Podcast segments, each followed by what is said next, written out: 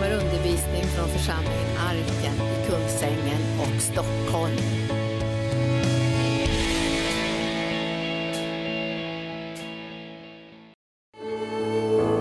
Åh, vi tackar dig för att du är löftet Jesus. Du är Faderns löfte om frälsning. I dig finns det frälsning. I dig finns det eviga livet. Den som har sonen, han har livet. Men den som inte har sonen, han har inte livet. Därför livet finns i sonen, det eviga livet. Förlåtelsen, försoningen och den frid som inte bara är en julstämning eller ett tomtebloss eller något glitter någonstans. Utan är frid med Gud. Det är frid med Gud. Och vi tackar dig Herre för att du har gett oss frid med dig genom Jesus Kristus. Att du har gett det dyrbaraste, vackraste och skönaste. Och våra hjärtan är fyllda av tacksamhet över att få tillbe dig och följa dig och älska dig. Och vi ber att den här kvällen ska vara fylld av olja. Så oljan ska flöda från fötterna till knäna till höfterna. Den ska flöda över oss med läkedom. För du är Herren vår läkare. Och därför ger vi vår kropp till dig och bär den fram till dig till den heliga altarplatsen. Därför det på altaret faller elden.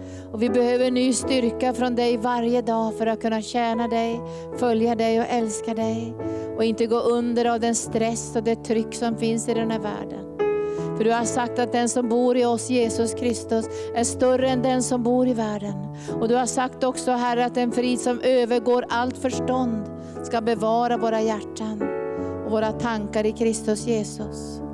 Och vi förstår Herre inte hur människor klarar av att leva i den här världen med så mycket stress och press. Men du har fört oss i ditt hjärta och lovat att vi ska få leva utan jäkt och stress. Därför din frid som övergår allt förstånd ska bevara våra hjärtan och våra tankar i Jesus Kristus. Tack Jesus. Vi tar en stund och ber. Ni sitter så gles så jag får gå ända med mina ögon härifrån till dit. Men det går bra. Men vi ska be en stund. Därför jag tänkte, jag var på kalas häromdagen. Och då träffade jag en man, en ganska känd person som berättade att han hade varit i, eh, tillsammans med, med, en grupp i, eh, i Jerusalem. Han kommer från ett icke-kristet hem, han har inga, inga anknytningspunkter alls med kristendomen, totalt världslig bakgrund. Och så hade han varit i, i, eh, i, i Korskyrkan, eller där det Jesus, den här stora kyrkan som delas mellan olika grupper. Där hade han gått in med sin grupp och så hade han råkat spilla ut en oljeflaska som hade sprättat på alla de som stod runt omkring honom. Och då hade de börjat skratta. Och då hade det kommit en präst med en stor käpp och slog på dem. Och då sa är det den enda kontakten du har haft med kristendomen? Ja. Och då sa jag så här, ber du aldrig? Nej, sa jag, jag ber aldrig. Jag har aldrig bett. Aldrig någonsin bett och min enda kontakt med kyrkan var den där prästen som slog med käppen i Jerusalem. Och då tänkte jag, visst är det tragiskt när människors enda kontakt är käppen i, i, i gravkyrkan i Jerusalem. Men jag, gick, jag vittnade ju för honom såklart och delade med honom om Guds kärlek och Guds omsorg. Men jag tänkte bön är någonting väldigt underbart. För när vi ber, hur, ibland så ber vi tillsammans som vi ska göra nu. Ibland så ber vi tyst i våra hjärtan. Ibland går vi bara runt och så ber vi med det här främmande språket som heter tungotal. Och ibland så ber vi utifrån Guds ord som pastor Gunnar lärde oss den här morgonen. Att vi använder Guds ord när vi ber. Men vi säger någonting när vi ber. Vi säger till Gud så här att vi vill att du ska vara verksam i våra liv. Vi välkomnar dig in i våra liv. Det är det vi säger. Det är inte de vackra orden eller hur länge vi ber eller hur vi uttrycker oss. Men vi säger någonting väldigt väsentligt till Gud. Vi säger, vi vill att du ska vara verksam i våra liv. Vi vill att du ska finnas i våra liv. Vi vill att du ska påverka våra liv. Vi vill att du ska verka med din kraft i våra kroppar och våra själar. Så bön är ett välkomnande till Gud. Och när bönen tystnar, så är det som att Gud inte längre känner sig välkommen. Alltså han tvingas inte på oss. Utan han vill känna sig välkommen. Utan bönen säger, du är välkommen Jesus, kom och verka i mitt liv. Jag litar på dig. Du ska få leda mig, du ska få ge mig visdom och förstånd. Du får verka i mitt innersta, i mina tankar, i mina känslor. Vi välkomnar Jesus genom bönen. Och därför är det så viktigt att bön får uttrycka sig på många, många sätt. Nu bad vi genom lovsången. Kände ni det? Alltså det hände något i våra hjärtan när vi sjöng lovsång. För då gjorde vi, då gjorde vi något väldigt underbart. Vi gav Jesus en tron. Så att han kunde trona på vår lovsång. Och vi bad ju också vi bad ju för, för bönen, för vi bad ju också i inledningen här, vi bad för givandet. Därför givande är väldigt andligt. Pengar förstår ni är andligt. Pengar är inte bara papperslappar och kronor och Eh, och tio kronor och sånt, utan pengar är andligt. Det är väldigt andligt, därför det kommer från våra hjärtan. Det är tillbedjan till Gud. När du och jag ger våra pengar till Herren, då säger vi till honom att vi bryr oss om det som han bryr sig om. Alltså vi är delaktiga i hans tjänst i den här världen. Därför vi kan bara tjäna en herre i taget. Och det finns bara två herrar i den här världen. Det är mammon och det är Jesus. Och mammon det är ju girigheten och själviskheten och begäret som finns i den här världen. Men Bibeln säger begäret ska försvinna. Allt det här ska gå under, men den som gör Guds vilja ska bestå för alltid. Och när vi nu håller på och, ska gå in i en underbar kväll med Guds helande kraft så är det väldigt, väldigt viktigt att vi tar en, en stund med bön. Där vi välkomnar Jesus. Det finns områden i våra liv som vi inte gärna vill att han ska beröra. Vi har alla sådana områden. Eller så har vi områden som vi inte vet att vi inte ännu har gett till Gud. Alltså vi har sådana här blinda eh, vinklar eller blinda områden. Men vi, vi, vi har en grundlängtan i våra hjärtan, visst har vi det? Att hela vårt liv, varje område ska tillhöra Herren. Men ibland får vi vara i situationer där Herren lyser på ett område och så säger han, det här området måste du helga till mig. Gud vill inte ta någonting ifrån oss. Han vill inte göra oss ledsna. Han, han, han vill inte så att säga, så nu ska jag ta allt roligt ifrån dig. Utan vi behöver tro i grunden att Gud är god. Att han är god och han vill oss väl. Jag hörde i morse när Gud sa så här, Satan har kommit för att stjäla och slakta och förgöra. Men jag har kommit för att ge liv och överflöd av liv. Överflöd av liv. För vi ska leva i honom, igenom honom och tillsammans med honom. Och därför är det så viktigt att vi ikväll, när vi har helande kväll, kanske lite speciellt ska säga till Herren att våra kroppar tillhör dig. Våra själar tillhör dig. Allt vad vi är och har tillhör dig. För våra val kommer att påverka våra liv. Kanske inte precis nu om fem minuter, men det kommer att påverka vårt liv nästa vecka och veckan som kommer och året som kommer. Om vi är villiga att genom bönen ge utrymme till Jesus i våra liv. Och det vill vi. Så vi ber en stund nu. Om du har tungotalet kan vi börja be tungor. Så vi bara låter vårt hjärta liksom komma i kontakt med Gud.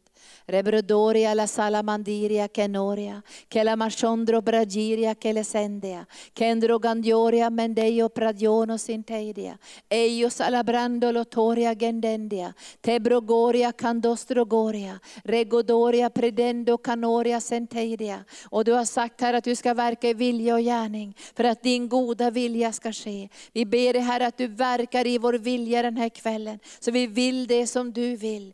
Vi ber att du ska verka i de saker vi gör, de steg som vi ska ta. Att du ska verka i vår gärning så att din goda vilja ska ske. Kom heliga Ande och rör vid våra kroppar och själar den här kvällen. Så vi får gå från kraft till kraft, från tro till tro. Så vi får börja leva i gudomlig hälsa på varje område. Och vi står emot varje influensa, varje attack mot våra kroppar. Vi står emot alla förkylningar, vi står emot all svaghet. För Herren är vår läkare. Och vi välkomnar dig nu Jesus. Vi välkomnar dig in i den här lokalen. Vi välkomnar dig in i våra liv. Vi välkomnar dig in i våra tankar, in i våra känslor. Vi välkomnar in dig Jesus att verka i våra kroppar, hälsa och styrka. För vi tänker tjäna dig, inte i vår egen kraft, vi tänker tjäna dig i den gudomliga kraften som aldrig någonsin sinar. Så vi kommer till dig ikväll och vi säger till dig Jesus, välkommen till den här platsen.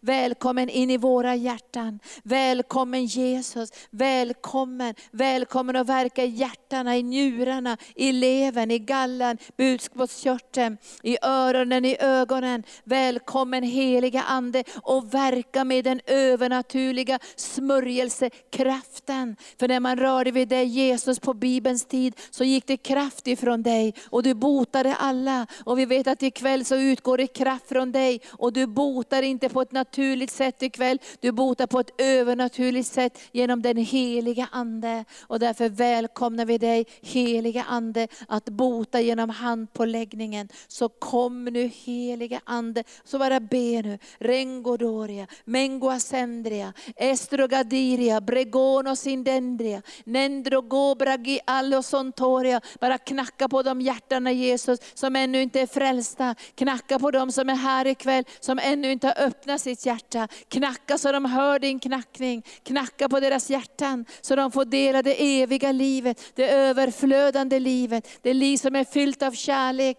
Kom heliga Ande, kom heliga Ande. Oria brendoria canoria sanoria, bregonoria sanoria, ekosoria, benkosoria, Icasiria, nenguadoria makiniria, lesogodoria, prendoria, kendria, essogoria, bredoria. Bara be, be, be, be. Rekonoria att Jesus läkaren ska få ingång i ditt liv. Att Jesus läkaren ska få beröra dig ikväll. Att hans sårmärka händer ska beröra din kropp och din själ. Bara låt hans ande beröra dig i, i, i. Nesoloria, brendoria, sankiria, erogoria, meshoria, kindeidia.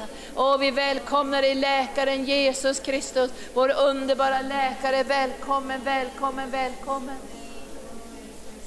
Bara välkommen, gör ditt verk i mångas liv ikväll. Kom heliga Ande, kraftens Ande, kärlekens Ande, livets Ande. Kom och verka, vi öppnar våra hjärtan just nu. Vi öppnar våra hjärtan. Kom heliga Ande, vi litar helt och fullt på dig Jesus. Du är Herren vår läkare. Genom dina sår är vi helade. Genom dina sår är vi helade upplevelse av dig, en positiv upplevelse av dig. Du kommer inte med käppen och slår oss, du kommer inte och kränker oss. Du kommer med liv och övernog. Du låter din kärlek bryta in i våra liv. Den kärlek som är tålig och mild, den kärlek som tror och hoppas allt. Den kärlek som är uthållig och aldrig ger upp. Kom heliga Ande, vi öppnar oss nu, vi öppnar oss nu, vi öppnar oss nu för gudomlig kraft från höjden. Liv och övernog, liv och övernog som finns i Sonen. Utanför Sonen finns inget liv, men i Jesus finns livet, i Jesus finns livet, i Jesus finns livet. Kom heliga Ande, kom heliga Ande. Åh, jag prisar dig, jag prisar dig, jag prisar dig. Åh, jag tackar dig Jesus, kom heliga Ande, kom heliga Ande och gör ditt verk den här kvällen. Bara öppna det nu, bara öppna det. Öppna området, säg till Herren varje område, varje område, mina relationer, mina relationer, min hälsa. Allt i mitt liv ska tillhöra dig Jesus. Du ska tala i mitt liv, du ska verka i mitt liv. Du har rätt att tala i mitt liv. Det är bara du som har rätt att tala i mitt liv. Tala genom ordet, tala genom ordet, tala genom ordet. För det är ordet som har kraft, det tränger igenom. Det är ordet, det är ordet, det är ordet. Vi älskar ordet. Vi lever inte genom våra känslor. Vi böjer oss under ordet. Vi böjer oss under ordet. Vi böjer oss under ordet. I Jesu namn, i Jesu namn, i Jesu namn, i Jesu namn. Och vi tackar dig för att det finns en kärlek som är större än alla andra kärlekar. All annan kärlek, allt vi, allt vi längtar efter i den här världen, det får böja sig. Och därför överlåter vi oss till dig Jesus. Du är vår första kärlek. Du är brudgummen. Det är dig som vi älskar. Alla andra kärlekar får böja sig för den högsta kärleken. Så kom nu med förnyad kraft. Kom med förnyad kraft. I Jesu namn. Amen. Jesus har fått utrymme i våra liv. Och om, om du här nu ikväll undrade, vad var det för konstigt språk hon talade? Jag träffade ett, jag, var på, jag har varit på flera kalas, men jag var på ett barnkalas också. Och, och då, nej det var inte barnkalas, det var, något, det var något annat med några småbarn. Och så frågade en av de här småpojkarna, pratar ni kinesiska? Nej, jag sa vi talar i tungor.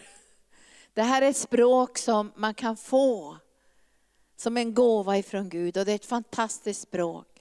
Därför det här språket det tar oss utifrån vårt eget språks begränsning.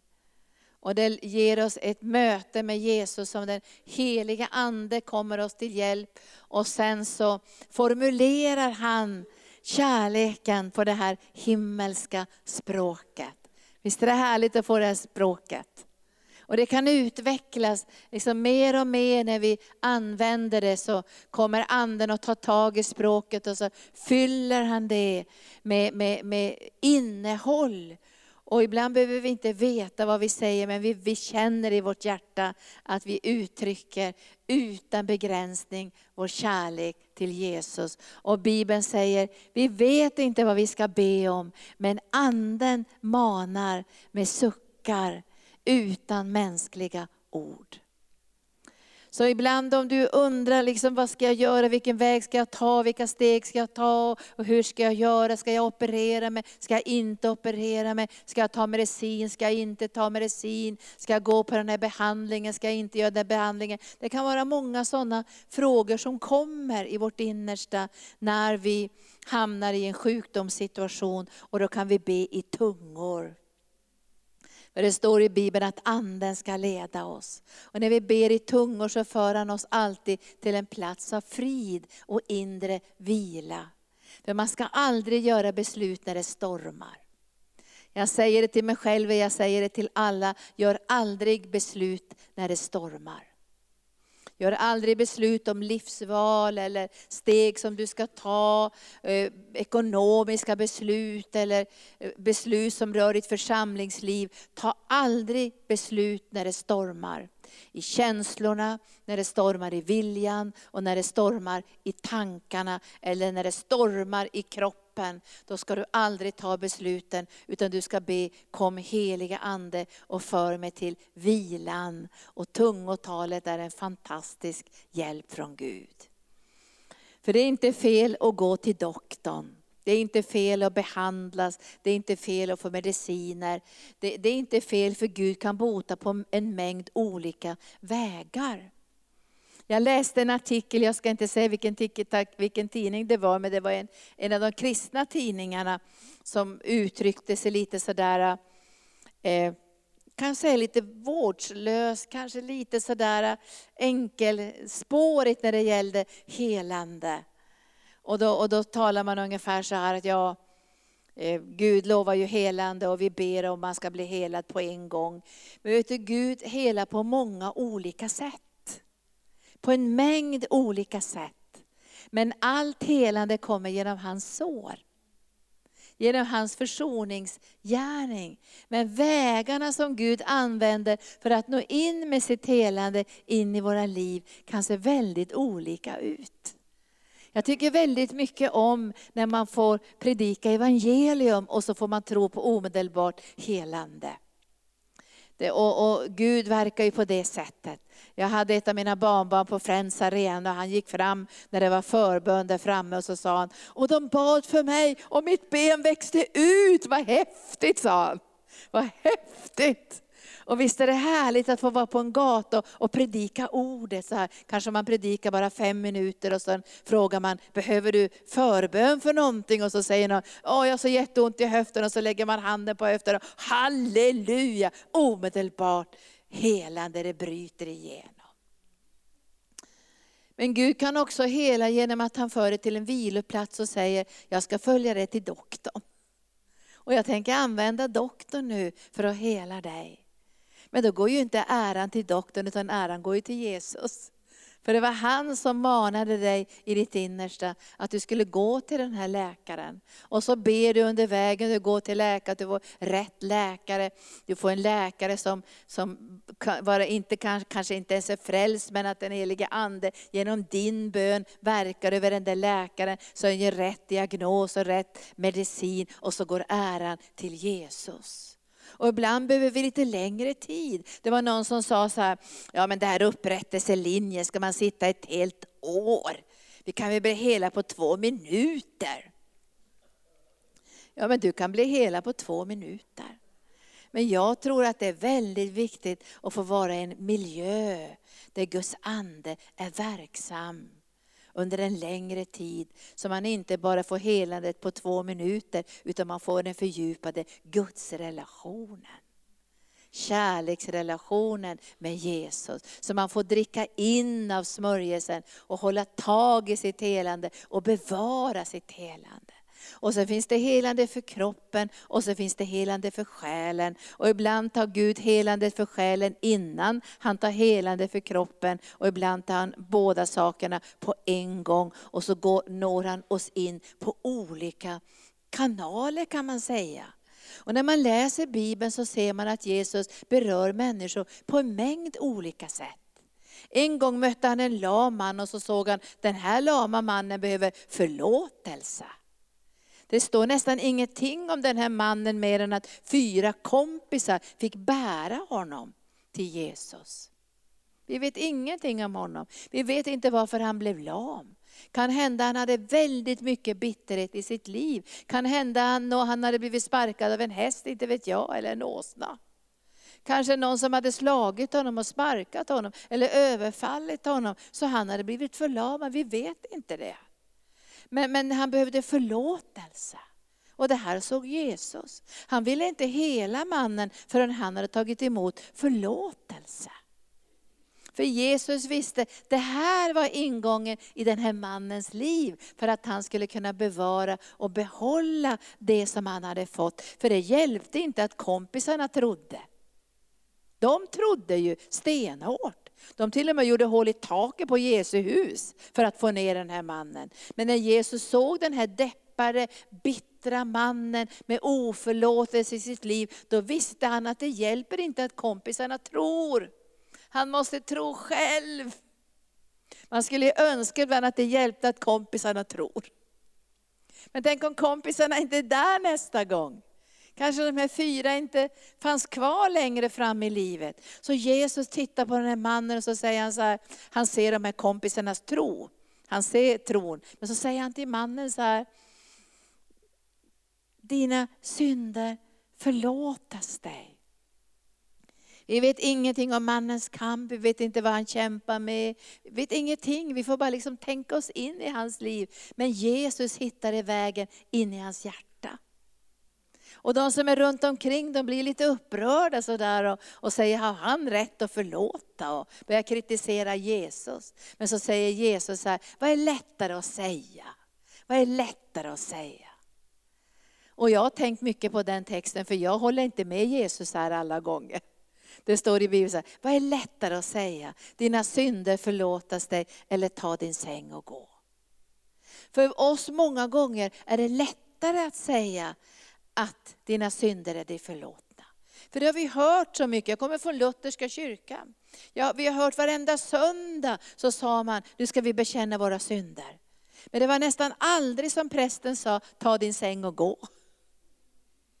Därför man trodde inte riktigt på det, att det var så lätt. Att man skulle ta sin säng och gå. Men utifrån Jesus synvinkel så är, så är förlåtelsen den öppna dörren för helande. Det är själva försoningsgärningen som gör att helandet kan flöda. Utan förlåtelse kommer inget helande. Det är Jesu försoningsgärning, att han har burit all synd på Golgata kors, som gör att läkedomen kan flöda in i våra liv. Och därför kan Jesus säga, det är lika lätt att säga ta din säng och gå som att dina synder är förlåtna. Och så säger han till mannen, ta nu din säng och gå. Och mannen blir fullständigt helad. Men han behövde förlåtelsen först. Och Jag tror att det är viktigt för dig och mig att komma till den där viloplatsen så han får betjäna oss. Att vi inte bara tänker att det ska vara en viss teknik och så här ska Gud göra varje gång. Och det ska vara fem minuters bön eller så ska det vara eh, tre, fyra timmars bön eller 16 timmars bön. Vet du, Gud har olika vägar in i människors liv. Är inte det skönt? Så det är inte bara på ett sätt. Och när vi presenterar Jesus sådär, en, bara på ett sätt, då blir människor kritiska. Och då skulle jag bli kritisk också, för sån är inte Jesus. Han är inte fyrkant och gör bara på ett sätt. Det är det snabba evangeliet och sen ska vi be två minuter och människor blir helade. Men tack gode Gud när det sker. Därför när du predikar på gatan kan du inte hålla på och be fem timmar. Då måste du be en väldigt kort stund och sätta tro till att Herren ska verka under den korta stunden. Och sen såg Jesus en kvinna, som det står i Bibeln att hon var en synderska. Och hon behövde gråta länge för att kunna bli helad. Hon behövde gråta länge. Och det, då kanske man tänker, ja men det är väl bortkastat tid att sitta där och gråta. Jag hörde ett reportage från Kina. Och, och jag var så gripen av det reportaget. De sa att de hade inte fått biblar. Det fanns nästan inga biblar när väckelsen bröt ut i Kina. Och det var några som lyckades skriva av delar i Bibeln. Och det de ville ha det var apostlagärningarna. För det handlade om hur man skulle kunna ta sig ut i fängelset och man hamnade i förföljelse och fängelse. Så då hade man en sån där nerkladdade tunna, tunna häften som var apostlagärningarna. Och så berättar de så här att när kineserna bad så var det som ett stort hav av ett enda muller. Och när de gick därifrån såg det ut som det var vatten överallt. Men de hade bara gråtit på sina ansikten. De grät. Och de sa att de hade inga biblar, de hade ingen förkunnelse, men de bad. Och de grät, och de bad, och de grät. Och så berättade den här eh, predikanten då som hade lärt sig kinesiska, jobbat där hela sitt liv i Kina. Han sa plötsligt kom det en våg till Kina där människorna började skratta också. Och sen låg de på sina ansikten och bara skrattade. Men Jesus visste att den här kvinnan behövde gråta. Så han sa inte till henne, sluta gråta nu. Nu har du rivit ut ditt hår och gråter på mina fötter och tvättat fötterna med tårar. Så mycket har jag aldrig gråtit så jag har kunnat tvätta någons fötter med mina tårar. Men den här kvinnan fick gråta vid Jesu fötter och torka de här, hans fötter med sitt hår. Och han lät henne gråta för han visste att det behövde hon för att kunna ta emot helande. Jag tycker det är vackert. Han hittade ingångarna och vägarna in i människors hjärtan. Ibland samtalar han med dem och så frågar han dem, vad vill du att jag ska göra för dig? Hur länge har din pojke varit sjuk? Och så talar han med människor runt omkring och berättar också för dem vad, vad som ska ske. För Jesus han vet att han måste få igång det här samtalet. Och så möter han kvinnan vid brunnen och han vet om att hon kommer aldrig att bli helad om inte han får samtala med henne först. Utan det är många människor som inte blir helade i de korta förbönstillfällena eller när, när vi bara ber en kort stund. De behöver få samtala med Jesus. De behöver få öppna sina hjärtan för Jesus. Och Jesus visade att den här kvinnan behövde ett ordentligt samtal. Hon behövde höra om det här levande vattnet. Hon behövde höra om det livet som man skulle kunna leva i relationen med, med Gud genom försoningen. Och i det här andliga samtal förändrades hon. Medan hon samtalade med Jesus så förändrade hennes liv. Hon bara lämnade krukan och sprang in i stan och började berätta för alla vad han hade sagt till henne. Hon behövde samtalet. Och så fanns det andra tillfällen när han bara gav människorna bibelordet. Alltså han sände ordet in i deras hjärtan och läkedomen flödade in genom ordet. Och det står genom, i Ordspråksboken att, att när vi får Guds ord in i våra hjärtan så blir det läkedom för hela vår kropp. Och vi som är här ikväll, vi är väldigt olika. Och det vet han. En del av oss behöver få, få samma sak tio gånger innan vi tror på det. Så är det. En, jag vet inte om det, vem av er det är, men en del behöver få handpåläggning minst tio gånger innan det tar. Därför första gången känner man, jag vet inte om jag tror, jag vågar inte ta emot. Jag, jag, jag litar inte på det här. Och så måste man gå fram igen och igen och igen. Och så börjar man känna att det tinar på insidan. Och så händer det någonting och så blir man helad. Och så finns det andra som tar emot första gången.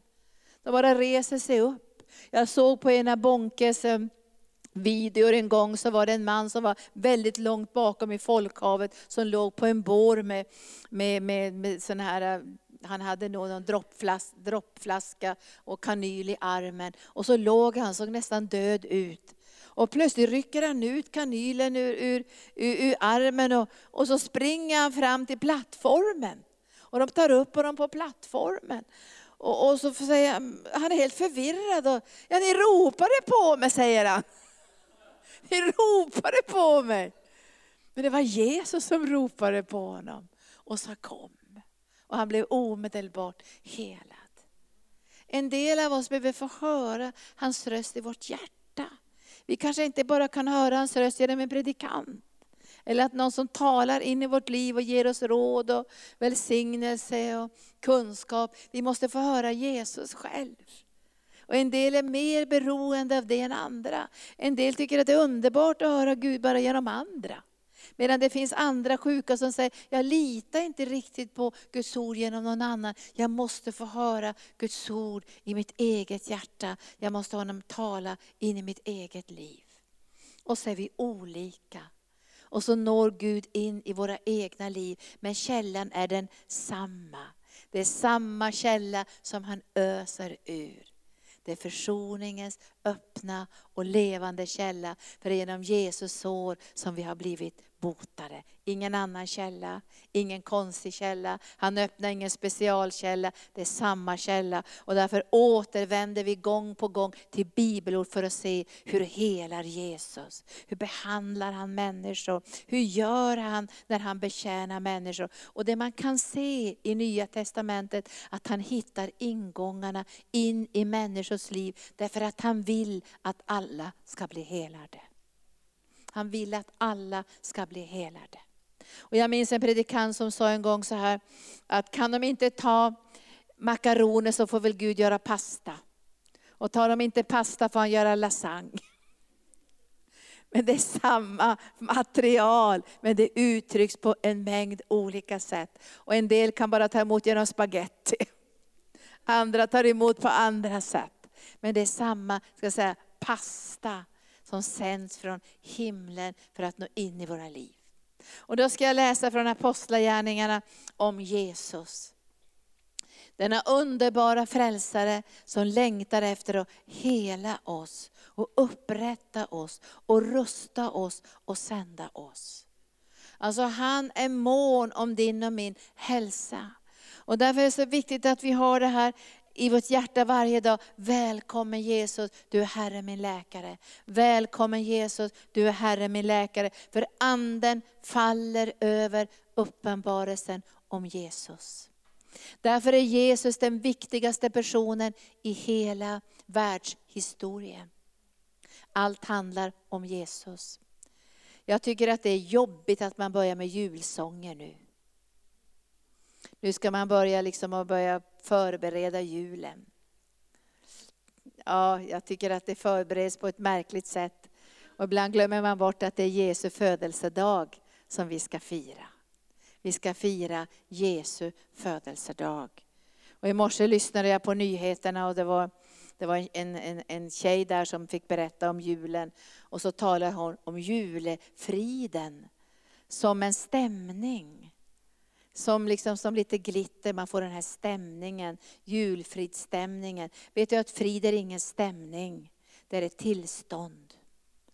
Tillstånd som du och jag får av Gud i våra hjärtan. Därför att vi är försonade med Gud genom Jesus Kristus. Och vi får en frid som ingen någonsin kan ta ifrån oss. Därför firar vi jul, för att hylla konungarnas konung, herrarnas herre och frälsaren.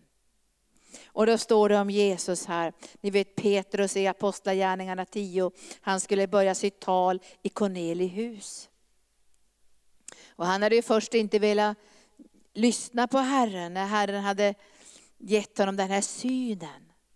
För Gud ville ju nå hedningarna också med evangelium. Och de flesta av oss ikväll här är ju hedningar. Jag tror inte vi har så många som tillhör det judiska folket, men om det finns någon så är det härligt. Men de flesta av oss är hedningar. Och, och judarna ville inte ha någon kontakt med hedningarna och, orena sig med hedningarna. Men genom Jesus så tog, tog Gud bort den där skiljeväggen och fiendskapen för att göra ett enda folk. Och nu så har Petrus kommit in i Cornelihus. Och nu ska vi se vad, nu börjar Petrus predika. Versen 36 kapitel 10. Detta är det ord som Gud sände till Israels folk när han förkunnade frid genom Jesus Kristus. Han är allas Herre. Och ni känner till det som har hänt i Judeen med början i Galileen efter dopet som Johannes förkunnade. Hur Gud smorde Jesus från Nasaret med den helige Ande och gjorde gott och botade alla som var i djävulens våld, för Gud var med honom. Vi är vittnen till allt som han gjorde, både i judarnas land och i, och i Jerusalem.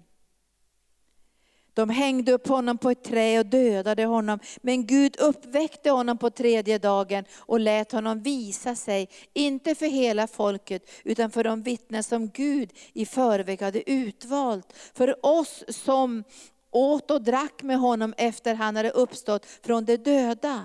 Och han befallde oss att predika för folket och vittna om att han var den som Gud hade utvalt till domare över levande och döda. Över honom, om honom vittnar alla profeterna att var och en som tror på honom får syndernas förlåtelse genom hans namn. När Jesus predikade här så står det att anden faller. Och anden faller inte på lögner. Anden faller inte på hokus pokus. Anden faller inte på människomeningar, utan anden faller på Guds sanning. Och nu faller anden.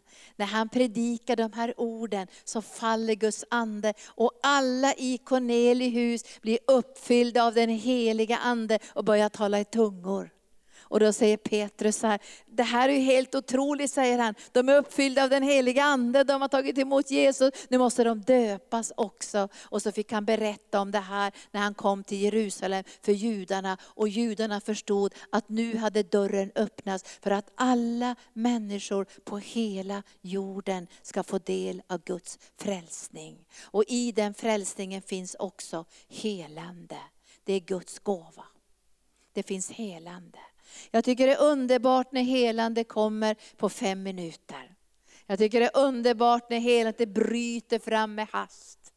Men jag tycker det är lika underbart när människor överlåter sig för att komma Jesus så nära, så han får ingångar i deras liv för att kunna förmedla läkedom. Att de ger honom det, det förtroendet och proklamerar honom som läkaren för kroppen och själen. Det är en kärleksförklaring. Och jag tror att Jesus behöver vår kärleksförklaring.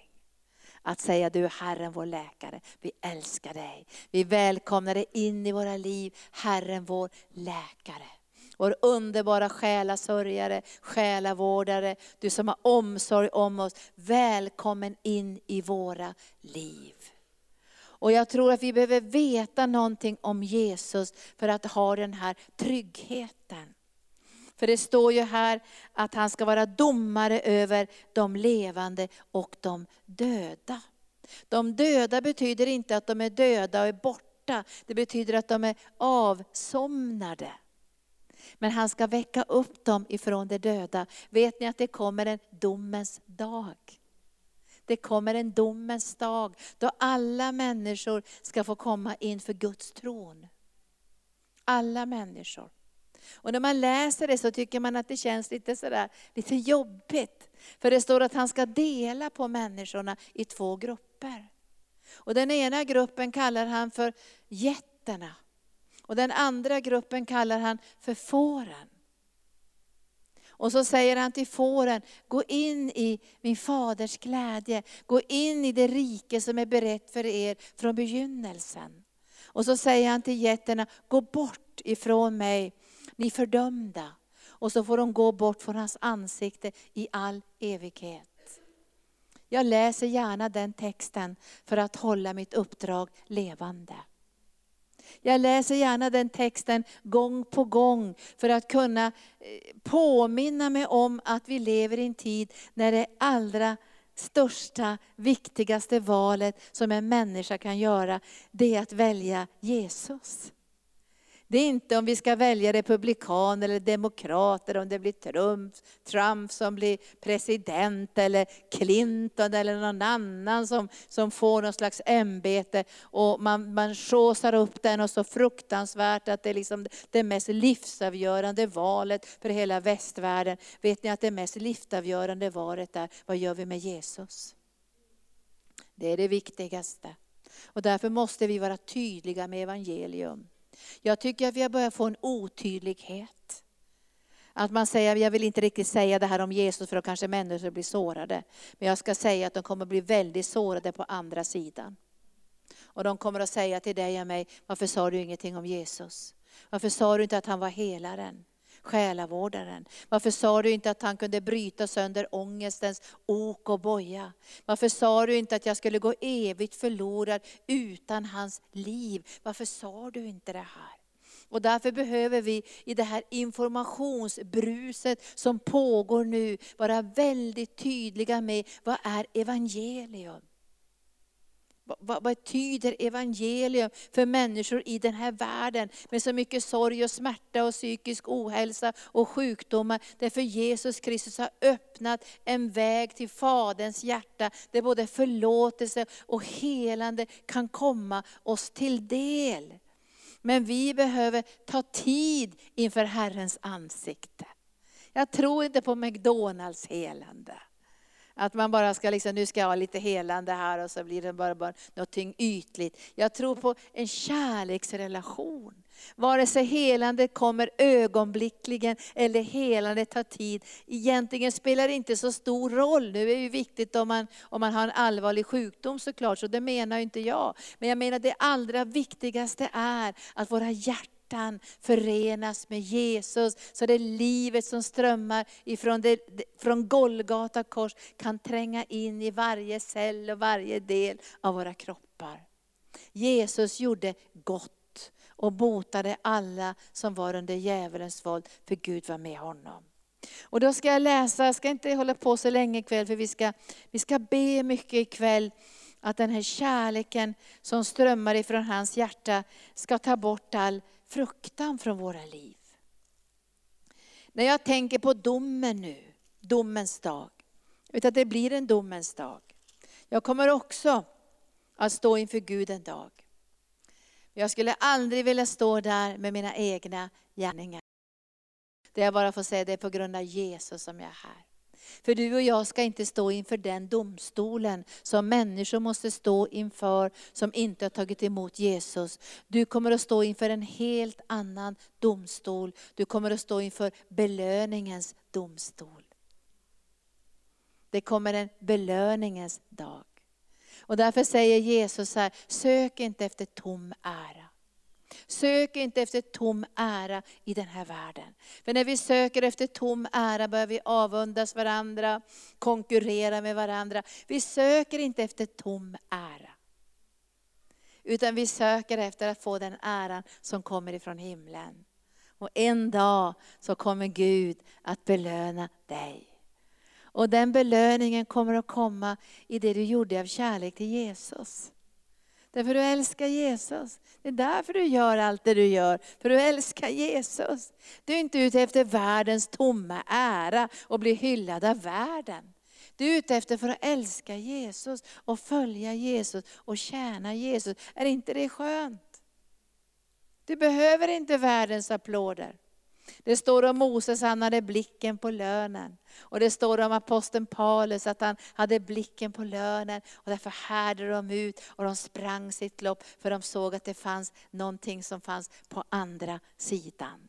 Och nu ska jag läsa i första Johannes brev om den här kärleken som jag tror är så viktig för att du och jag ska våga fortsätta att bjuda in hans närvaro och hans helande kraft kontinuerligt in i våra liv. Dag efter dag efter dag efter dag. Välkommen helige Ande.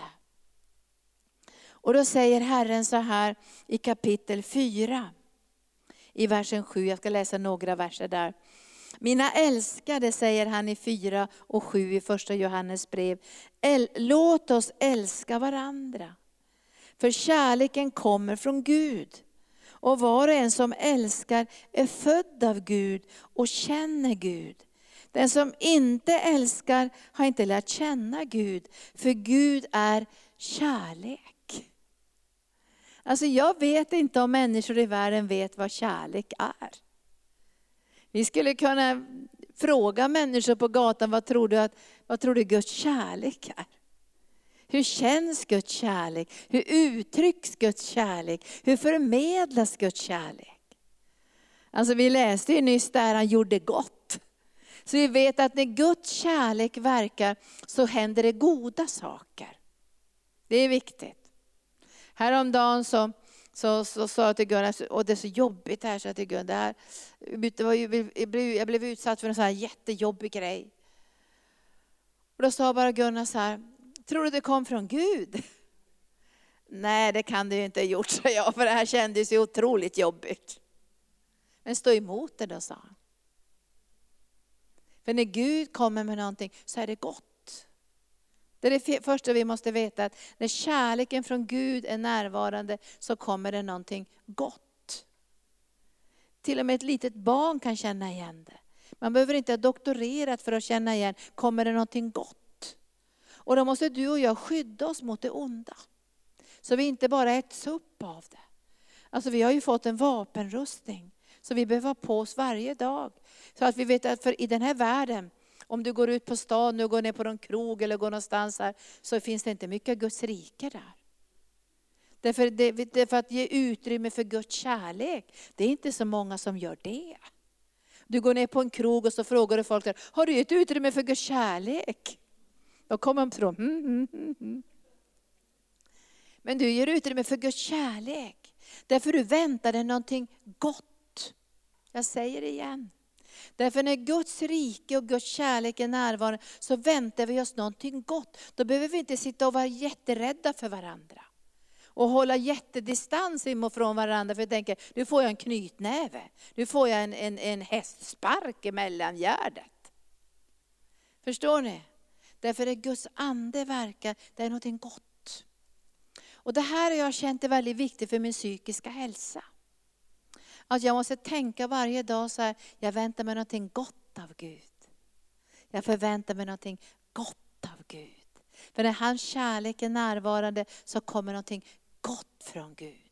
Och ibland kan man säga så här, överraska mig Gud. Det kommer någonting gott från Gud. Därför är Guds kärlek är närvarande kommer det någonting gott. Vet ni att människor är väldigt rädda i den här världen idag. De är rädda för att bli skadade, sårade, övergivna. De är rädda för att bli slagna. De är räddare för att bli sjuka. De är räddare för krig. Nu var det jordbävning på Nya Zeeland. Men Jesus säger så här, var inte rädda, säger han. Allt det här måste ske. Det är bara början till födslovåndorna. Det är bara början. Men det här måste ske. Men ni ska inte vara rädda. För ni har fått ett rike som aldrig någonsin kan bäva. Så det första som du och jag måste börja, vi måste programmera om oss på något sätt så här. Visst måste vi det? För vi förväntar oss många gånger någonting dåligt. Det kommer någonting dåligt igen. Nej, nu är det något dåligt på gång. Och det är därför jag tycker om profetia. Alltså jag tycker om när människor börjar profetera. Det kom en broder här, vi hade bön i måndags och sa så här, arken ska växa till tusen, det växer till tusen, det växer. Och jag tänkte, säg det igen, säg det igen. Därför vi kallar på det som inte syns så som det fanns. Därför vi förväntar oss någonting gott av Gud. Och det, jag tror att det är kärleken, förstår ni det? Att vi älskar varandra. Så är inte det bara någon slags smör och någon slags fjäsk och någon slags eh, orenhet. Utan när vi älskar varandra så förväntar vi oss någonting gott av varandra. Det är viktigt. När vi möter varandra så tänker vi, det kommer någonting gott idag. Det kommer ett profetiskt ord, det kommer en uppmuntran, det kommer läkedom, det kommer liv, det kommer styrka. För ibland möter man människor och man blir totalt utslagen av allt mörker, allt negativt, all kritik, allt, allt mörker. Att man känner, jag får stappla hem. Men det är inte Guds kärlek. Och vi kan vända på steken du och jag och så kan vi börja älska varandra och så kan vi säga, det kommer någonting gott idag. Varje gång vi möts så kommer någonting gott. När vi pratar med varandra kommer det någonting gott. Därför Gud är kärlek. Gud är kärlek. Och det står så här, för den, den, den, som, den som inte älskar har inte lärt känna Gud, för Gud är kärlek. Och lyssna nu, så uppenbarades Guds kärlek till oss. Så uppenbarades Guds kärlek till oss. Han sände sin enfödde son till världen för att vi skulle leva genom honom. Detta är kärleken. Inte att vi har älskat Gud, utan att han har älskat oss och sänt sin son till försoning för våra synder. Det är Guds kärlek. Alltså när du och jag börjar förstå vad Guds kärlek är, så ligger det inte på det sentimentala planet. Det ligger inte på känsloplanet heller, det ligger på någonting som är fullbordat. Det är någonting som Gud har gjort för dig och mig. Han har sänt sin enda son in i den här världen. Till försoning för våra synder. Och när försoningen skett för våra synder så finns det också läkedom som ska strömma in i våra liv. Alltså, alltså vår kärlek till Gud är egentligen bara ett gensvar till det han har gjort för oss. Vet du, många gånger kan vi försöka älska Gud. Och jag ska älska det lite mer, jag ska försöka pressa fram lite kärlek här. Vet du, det är jättesvårt att försöka älska Gud. Pastor Gunnar brukar säga så här, sluta upp och försöka älska Gud. Utan låt honom älska dig. Låt honom älska dig. Ta emot den här kärleken till den fyller dig. Utifrån det, det är den här kärleken du ger tillbaka till Gud.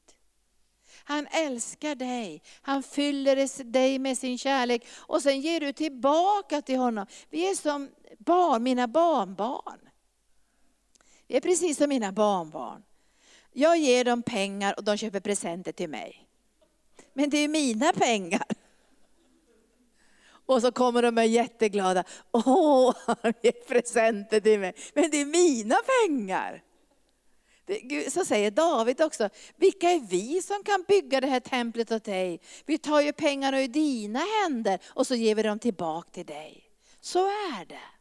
Alltså först älskar han oss och vi ser vad han har gjort för oss. Vi ser vad han betyder för oss och så är anden där och verkar i våra liv. Och så fylls vi av kärlek och så kan vi ge tillbaka till Gud. Och det har vi gjort ikväll. Vi har gett i lovsången, vi har gett i bönen, vi har gett i vårt givande. Vi har gett tillbaka till Gud därför att han har älskat oss först. Och det är jättesvårt att ge tillbaka till Gud om inte man tar emot ifrån Gud. Och då säger Herren så här, de här fantastiska orden, så säger han så här, mina älskade, om Gud har älskat så högt, då är vi skyldiga att älska varandra.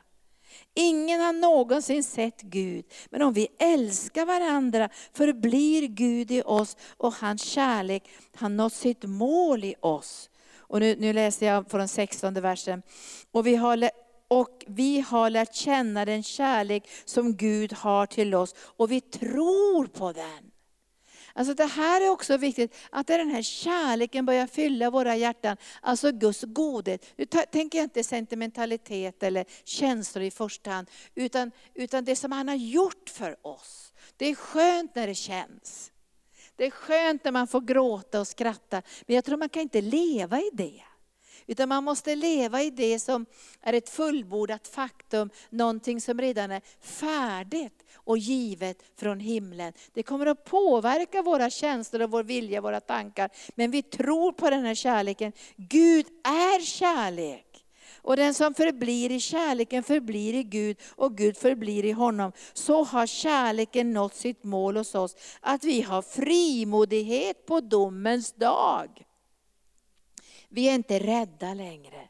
För sådan han är, sådan är också vi i den här världen. Det finns ingen rädsla i kärleken, utan den fullkomliga kärleken driver ut rädslan. För rädsla hör samman med straff. Och den som, men den som är rädd är inte fullkomnad i kärleken. Och då behöver du och jag tänka ikväll, finns det mycket rädsla i våra liv? Det finns det, men då är inte vi fullkomnade i kärleken. Och det är ganska bra att tänka på det ibland. Vi är inte fullkomnade i kärleken på varje område i våra liv. Nu har vi ju helande söndag, så nu talar vi om sjukdomar. När man är fullkomnad i kärleken och attackeras av en sjukdom, då har man frid på sin insida och vet att Gud är Herren min läkare. Alltså det är ett, ett fullkomligt tillstånd av ljuvlig frid och vila, där all fruktan är borta. Och där är inte de flesta av oss än.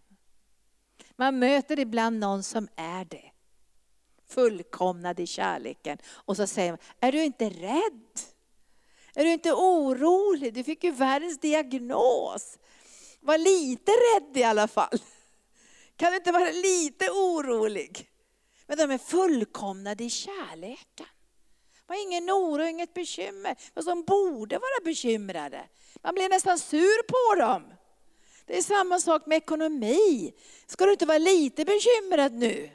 Titta på din situation. Men de är fullkomnade i kärleken och de bara vet att de vet att de vet att Gud har omsorg om mig. Och Gud kommer att göra någonting gott i mitt liv. Man förväntar sig någonting gott, inte det värsta. Vet du, vi kan lätt förvänta oss det värsta. Och när vi pratar med människor som har såna här äh, mycket ångest och äh, panikångest och så här, så förväntar de sig det värsta. Alltså när, när, deras barn inte kommer hem i tid, klockan är fyra, ska vara hemma klockan tre. Vad ser de då? Katastrof. Det har blivit överkört, kidnappat, våldtaget, det ligger i något dike någonstans. Därför de är inte fullkomnade i kärleken. Därför om man är fullkomlig kärlek ska man tänka, mitt barn kommer att komma hem, Gud har omsorg om det. Jag har lagt det på altarplatsen, det tillhör Herren. Det är nog bara hos, gått till sin kompis eller något. Men det finns alltså en, en vila som gör att Gud kan tala. Gud vill fullkomna oss i kärleken. Inte bara i evigheten utan också nu i den här tiden, att vi får den här vilan och tryggheten, så vi får tro på Guds kärlek, att han verkligen har omsorg om oss. Vi är inte fullkomnare till fullo, vi kan vara 30-faldigt, 60-faldigt och vi skulle önska 100-faldigt, eller hur? Och särskilt när det gäller sjukdomar.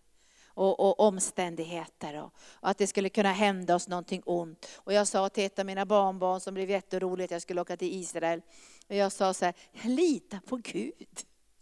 Jag har lagt mitt liv i Guds hand. Och skulle det vara någonting farligt på gång, då får väl han säga till mig. Eller vad tycker ni? Jag kan inte gå omkring med en massa fruktan och oro för mitt liv.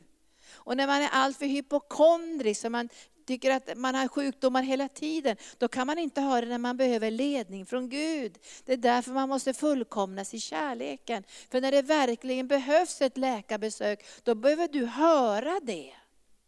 Därför att du är i en vila.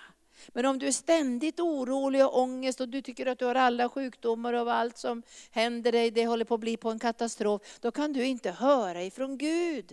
Men när Herrens kärlek börjar fylla ditt hjärta, då kan du bli ledd av Gud. Att Herren kan säga att du behöver gå och ta ett blodprov eller behöver gå och ta mammografi eller någonting. Men då kommer inte det i fruktan. Då kommer det ur en inre vila, därför att ditt liv ligger på altarplatsen tillsammans med Gud. Därför måste vi fullkomnas i kärleken och vi behöver liksom veta hur, hur är hans kärlek. Och jag ska avsluta det för jag tycker han är för god. Jag förstår Jona lite grann. Jona han var ju sur på Gud. Ni vet han ville inte gensvara till kallelsen. Och så stack han iväg och sen när han kom tillbaka hade han varit domedagspredikan. Och så satte han sig för att vänta att elden skulle komma och förgöra hela, hela Nineve. Men alla barn och alla vuxna och alla djur, han bara satt och väntade. Och det skedde ju inte. Och då satt han under en liten buske och så tittade Gud på honom och tänkte, nu sitter Jona under busken och är sur. För att jag inte eh, straffade alla de här människorna. För Gud hade ju sett att de hade gjort bättring. Men Jona ville att nu ska jag få se Guds domedag här. Nu ska han slå dem i skallen allihopa och döma dem till döden. Och det hände ingenting. Och så tittade Gud på Jona och tänkte, vad sitter han där under busken? Och vet du vad Gud gjorde? Han sände en vind så busken vissnade. Och solen började sticka på Jonas huvud och han blev argare och argare. Och då började Gud prata med honom och så säger han så här, du är arg och upprörd för att den här busken vissnade. Skulle inte du veta om att jag har omsorg om alla de här människorna och all kreatur och allt som finns i den här staden? Och då säger Jonas så här, ja jag anade väl det att du skulle vara så där god. Det var därför jag är sur, för du är för god. Men du vet att Gud är för god för våra mänskliga tankar. Det är därför han heter kärleken. Därför hans namn är kärleken. Och utan den kärleken kan du och jag inte leva i den här världen. Vi går under. Vi förstör varandra. Vi förstör våra äktenskap, våra församlingar, våra relationer. Vi måste börja leva i kärleken och förvänta oss någonting gott av Gud utifrån försoningen utifrån det fullbordade verket, så kan du och jag börja förvänta oss Guds ingripande på alla livets områden. Och ikväll ska vi ge utrymme för hans helande kraft. Och nu ska jag läsa första Korinthierbrevet 13. Jag har läst det flera gånger den här dagen och förundrat mig över hur god Gud är. Hur god han är.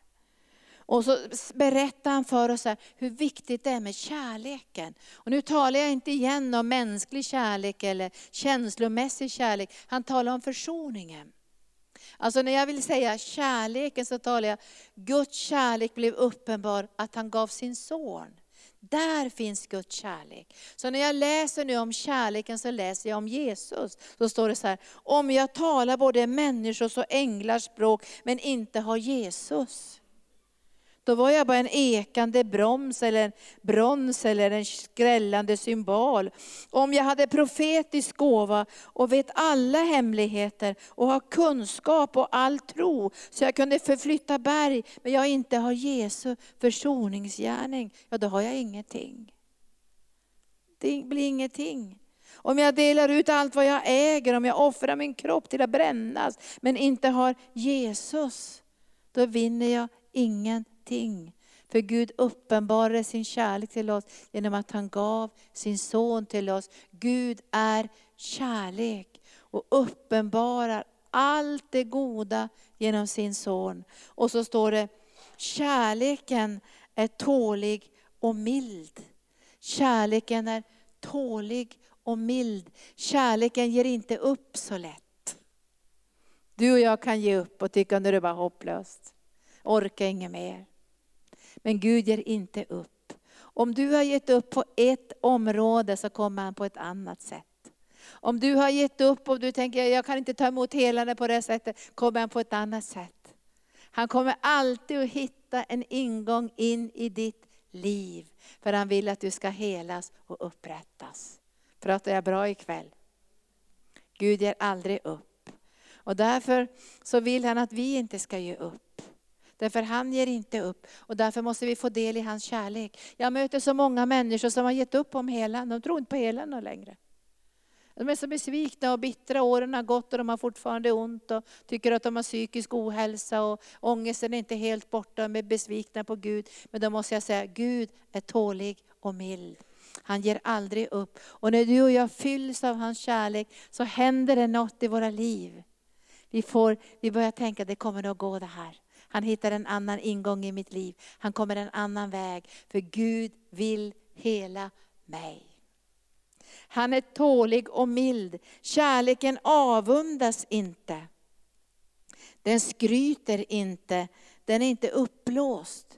För kärleken behöver inte skryta, den behöver inte blåsa upp sig. Därför Gud har gett sin egen son till världens frälsning. Och det, här, det här tycker jag är väldigt, väldigt viktigt, alltså att Jesus blåste aldrig upp sig själv. Han gick aldrig omkring liksom och skröt om att han var Guds son och jag kan göra under och jag har kontakt med Gud och Guds kraft bor i mig. Ett enda tillfälle fick lärjungarna se Guds härlighet på förklaringsberget. Han skröt aldrig om det. Han lyfte aldrig upp sig själv. Och till och med när de, säger så här, när de kommer till honom och säger så här, vi vet att bara du är god, och säger så här, det är bara Gud som är god. Alltså han vill bara lyfta upp Fadern. Och det står så här, han beter sig inte illa. Han är inte oförskämd skulle man kunna säga. Han är inte arrogant, han är inte ful i munnen, han kommer inte att slå dig. Han söker inte sitt och han brusar inte upp. Han blir inte arg på dig för att du inte är fullständigt helad ikväll. Han är inte arg på dig för att du inte är fullkomnad i kärleken. Han är inte arg på dig för att du har fortfarande lite ångest eller du oroar dig över saker. Han brusar inte upp, han får inget vredesutbrott. Därför han är kärleken. Och då står det så här, han tänker inte på det onda. Han, han glädjer sig inte över orätten och orättfärdigheten, men han gläds med sanningen. Och han, den bär allting kärleken. Den tror allting kärleken. Den hoppas allting kärleken. Den uthärdar allting kärleken. Man skulle kunna säga, Gud ger aldrig upp. Och det är därför som det ser ut som det gör i den här världen. Vi skulle tycka att Gud skulle stänga butiken. Tycker ni inte det ibland? Nu stänger vi butiken. Nu slår vi ihop allting. Nu får det vara nog. Men Gud har lovat att det blir ingen mer syndaflod. Det finns en regnbåge som ger ett löfte. Det blir ingen mer syndaflod. Det är genom Guds tålamod och kärlek som gör att världen ser ut som den gör. För Gud tänker inte ge upp. Ondskan väller fram, krigen, man mobiliserar för krig, folk mot folk och Gud ger inte upp. Han tänker, jag får ut lite godhet. Jag får ut lite sanning. Jag får ut lite ljus. Jag får ut lite kärlek. Jag kan rädda ytterligare en, ytterligare en, ytterligare en och ytterligare en. Därför Gud är kärlek. Och mitt i ondskan är det mildhet. Mitt i kriget är det uthållighet. Därför Gud är kärlek. Och det är den kärleken som vi behöver få in i våra liv, så vi inte ger upp om vår hälsa. Så vi inte ger upp om vår upprättelse. Så vi inte ger upp om vår frihet. Därför behöver Guds kärlek fylla oss så vi inte tappar taget om det som Gud gör i våra liv. För han kanske inte gör allt på en gång. Men vi håller tag i det som han gör i våra liv. Och så låter vi kärleken fylla oss mer och mer. Och så förväntar vi oss varje dag någonting gott från Herren. Och så står det så här i slutet av trettonde kapitlet. Så säger han så här. Nu ser vi en gåtfull spegelbild. Men då ska vi se ansikte mot ansikte. Nu förstår jag bara till en del. Men då ska jag känna fullkomligt som jag har blivit fullkomligt känd. Så består nu tro, hopp och kärlek, dessa tre. Men störst av dem är kärleken. Kärleken. Och ikväll ska vi be att Guds kärlek. Jag var hemma från förmiddagsmötet i morse för jag kände jag var tvungen att, jag ville gå in i bön och, och söka Herren och vara inför Herrens ansikte för att förbereda för den här kvällen. Vanligtvis går jag på båda mötena. Men jag kände att jag ville stilla mig inför Herren den här förmiddagen och eftermiddagen. Och jag tänkte på det här Guds kärlek. Det är bara Guds kärlek som gör att du kan försaka. Vet du det? Utan Guds kärlek kommer du att hålla tag i allting för att du är rädd för att förlora det. Alltså du kommer, du kommer att hålla tag i din hälsa på ett felaktigt sätt. Och Bibeln säger ju så här att, att nyttig, det står så här att motion är nyttig till en del. Men Guds fruktan, det tjänar till allt. Och ibland så, kan, så man märker inte alla gånger vad man har fruktan i sitt liv. Alltså man håller fast i sina pengar, man håller fast i sin hälsa på ett felaktigt sätt. Man är inte beredd att offra någonting till Herren. Man tänker på sig själv, man måste tänka på sig själv, man måste tänka på mig själv. Det är jag, jag, jag. Man måste hålla fast i sig själv, i sitt eget, för man är rädd för att man ska förlora någonting. Men jag tror att när vi får tag på Guds kärlek, så får vi ett annat fäste för vårt liv. Ett djupare fäste, en djupare förtröstan en djupare visshet om hans omsorg om våra liv på varje område. Och vi ska avsluta nu den här predikodelen och gå in i lovsången. Och vi ska be nu att Guds kärlek, Gud bevisade sin kärlek till oss genom att han sände sin son till försoning för våra synder. Och i syndernas förlåtelse finns det också hälsa. Därför kan vi bära fram våra kroppar på altarplatsen och vi håller inte fast i våra kroppar längre, vi ger dem till Gud.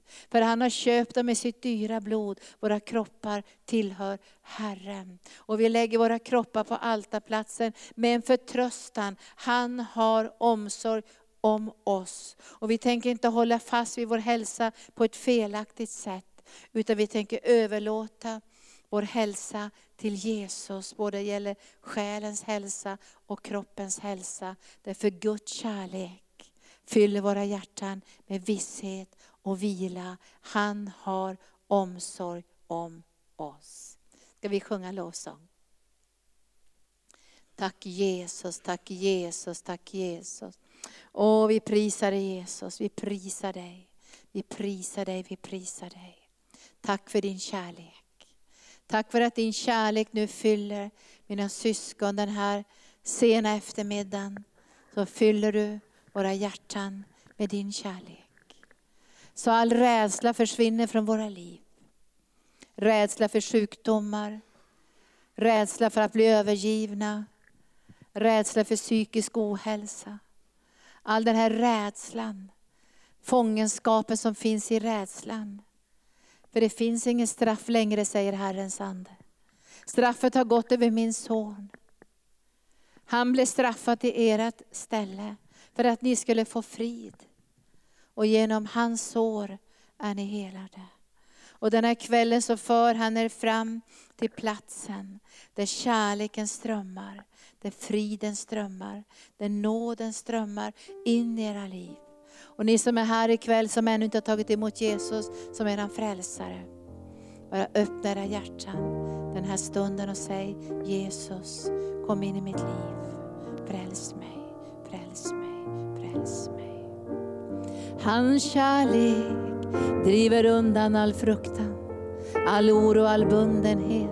All rädsla för sjukdom försvinner från våra liv. För han är vår försörjare, han är vår läkare, han är vår själavårdare. Han har omsorg om oss. Hos honom finns det vägledning och ljus. Och han möter oss där vi är den här kvällen. Han vet vad vi behöver. Han vet vad vi, vad vi, hur vi kan öppna upp just den här kvällen. Så kom nu heliga Ande och riv undan all fruktan, all rädsla för straff, all rädsla för helvetets brinnande eldar. För när vi har Jesus så har vi livet. När vi har Jesus har vi nåden. De egna gärningarna kommer ändå inte att räcka till. De är som en smutsig klädnad när vi kommer med dem inför Herren. Men allt vi vill ge tillbaka till Fadern en gång när vi står inför den vita tronen. Det är vår kärleksförklaring till honom som gav oss sonen. Den dyrbara älskade sonen till försoning för våra synder. Där läkedom strömmar genom såren in i våra kroppar och in i våra själar. Så jag ber dig nu heliga Ande, behövs det förlåtelse den här kvällen? Att vi får förlåta oss själva eller förlåta någon annan människa. Så gå in i våra hjärtan den vägen Herre och öppna förlåtelsens port in i våra liv. Kom heliga Ande.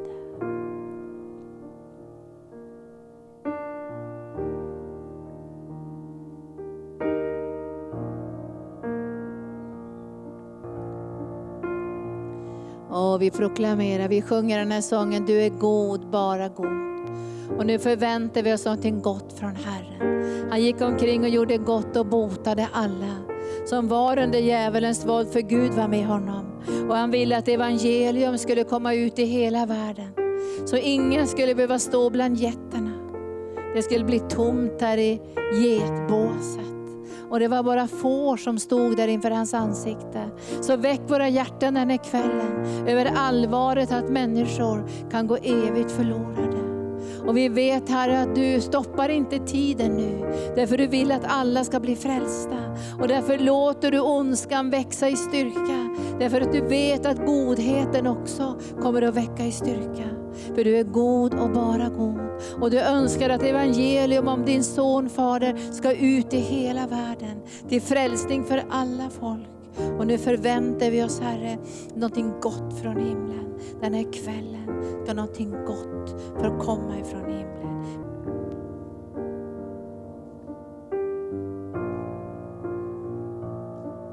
Jag kan se i anden att det inte är alla av er här som förväntar er att det ska komma någonting gott i era liv.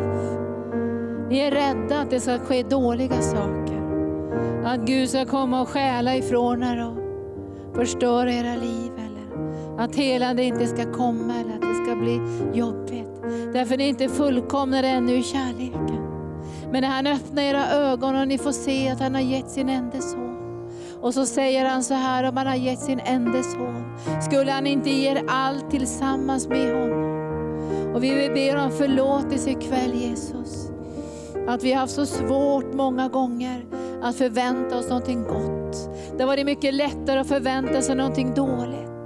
Att ligga liksom närmare till hands och tänka negativa tankar, att det ska gå dåligt. Eller att det inte ska bryta igenom eller att löftena inte ska gå till sin fullbordan.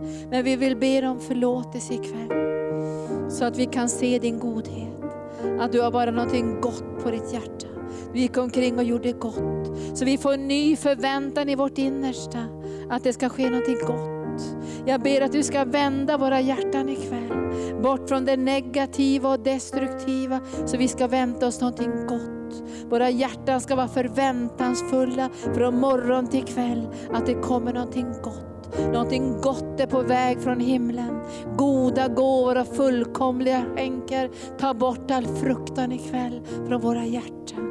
Vi har dåliga erfarenheter Jesus. Vi har gått genom svårigheter och dödsskuggans dal. Och ändå säger du att vi ska inte frukta för någonting ont. För din käpp och stav ska trösta oss. Och du ska föra oss till vattenkällorna. Till de underbara gröna ängarna. Förlåt oss Herre att vi har tänkt negativa tankar, destruktiva tankar. Att vi har tänkt att det här går inte att lösa. Det finns ingen utväg. Men vi vet Herre att vi kan vara rådvilla men aldrig någonsin rådlösa. Att vi kan vara slagna till marken men inte uppgivna. Därför du är vår styrka och din kärlek har fyllt våra hjärtan. Och vi har kommit till tro på den kärleken. Vi har kommit till tro på din godhet, din goda vilja, din omsorg. Också på hälsans område. Du vill ge oss hälsa, styrka, att vi kan tjäna dig på eh, ålderdomens dagar. Att vi kan ha full kraft i våra liv. Att vi kan stå tillsammans med den unga generationen en dag i full styrka. För det är du som är vår styrka och din kärlek har fyllt våra hjärtan. Och vi har kommit till tro på den kärleken. För den kärleken är godhet och godhet och godhet och godhet och omsorg om våra liv. Så förlåt oss Herre, att våra tankar så lätt har gått till det negativa. Men ikväll vill vi vända om i våra hjärtan och börja förvänta oss någonting gott av dig. Någonting gott av dig. Aldrig ska du svika oss, aldrig ska du lämna oss, aldrig ska du överge oss. Och därför kan vi dristigt med frimodighet säga, Herren är min hjälpare. Men vi lägger våra kroppar på altarplatsen och vi ber att varje område i våra liv ska genomlysas av hans kärlek. Och att vi är villiga att försaka allt för hans rike. Att lägga undan det som inte behagar honom för ett högre syfte.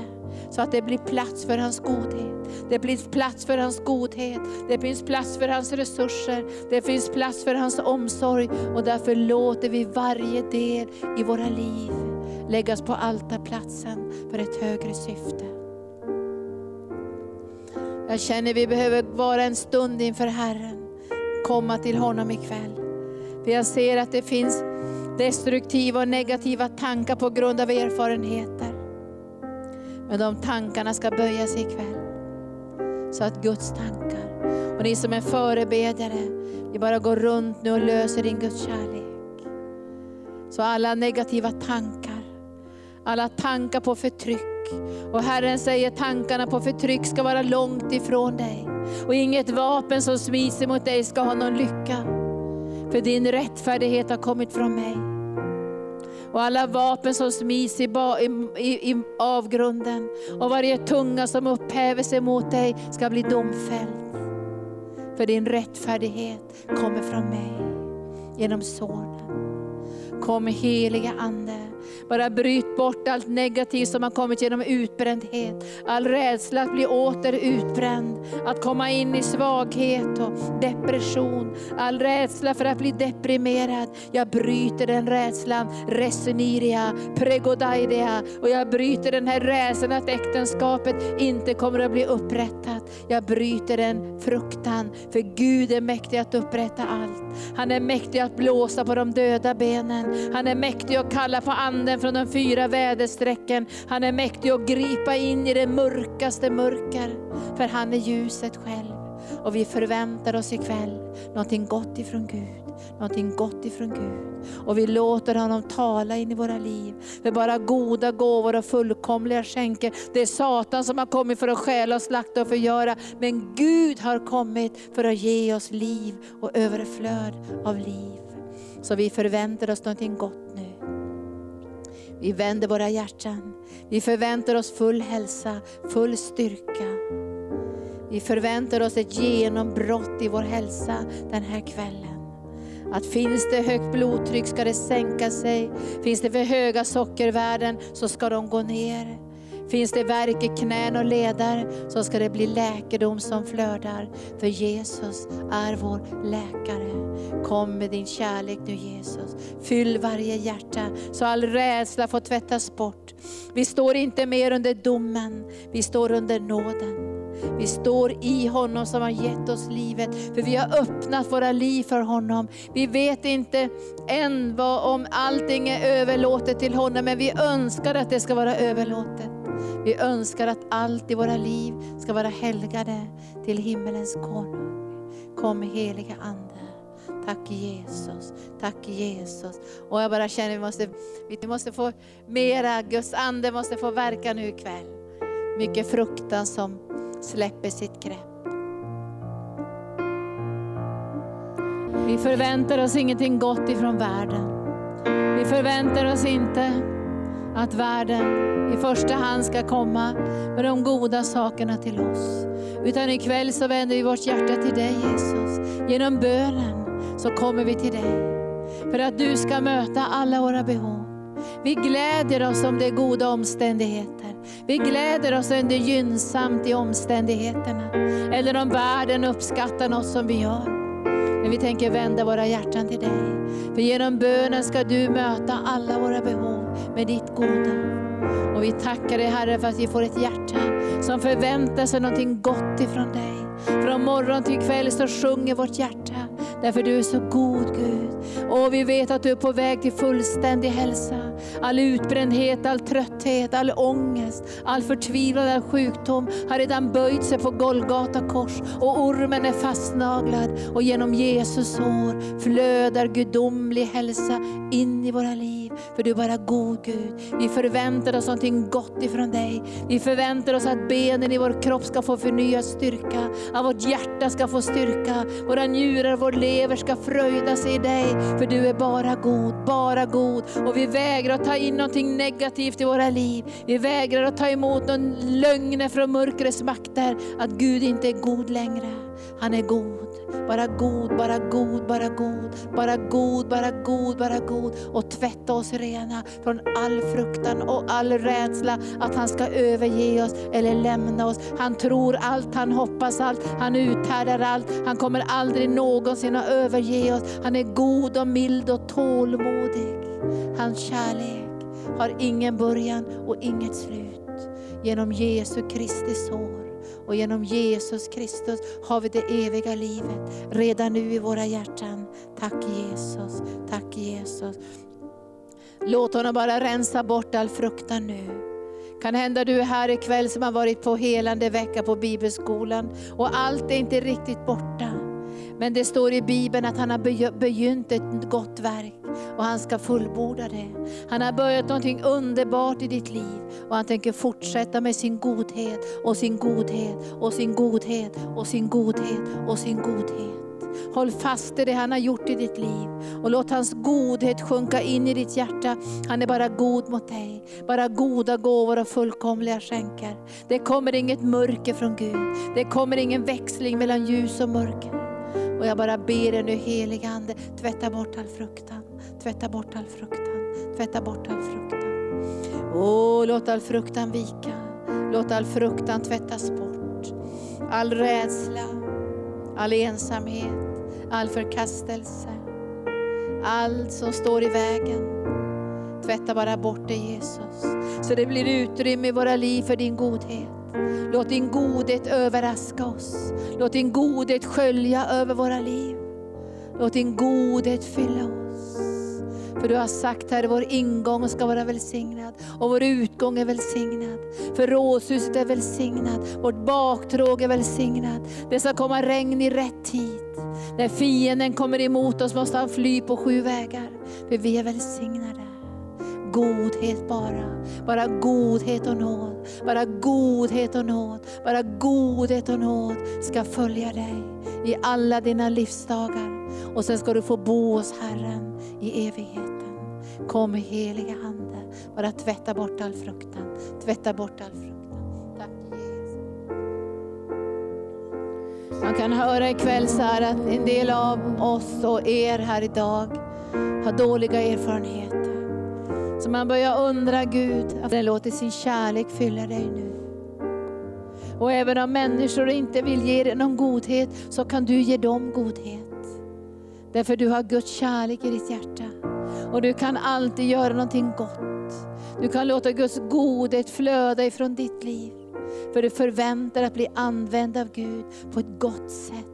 Att det ska flöda profetiska ord, uppmuntran och styrka genom ditt hjärta och genom din mun. För Gud är god, bara god. Och från dig kommer det godhet som flödar, lösningar och utvägar. Hopp och tro flödar ifrån ditt liv. Därför Gud är god och du är god. Därför Gud bor i dig. Bara goda ting kommer ifrån himlen. Och vi löser ikväll denna ljuvliga smörjelse. Gud är god. Gud är god.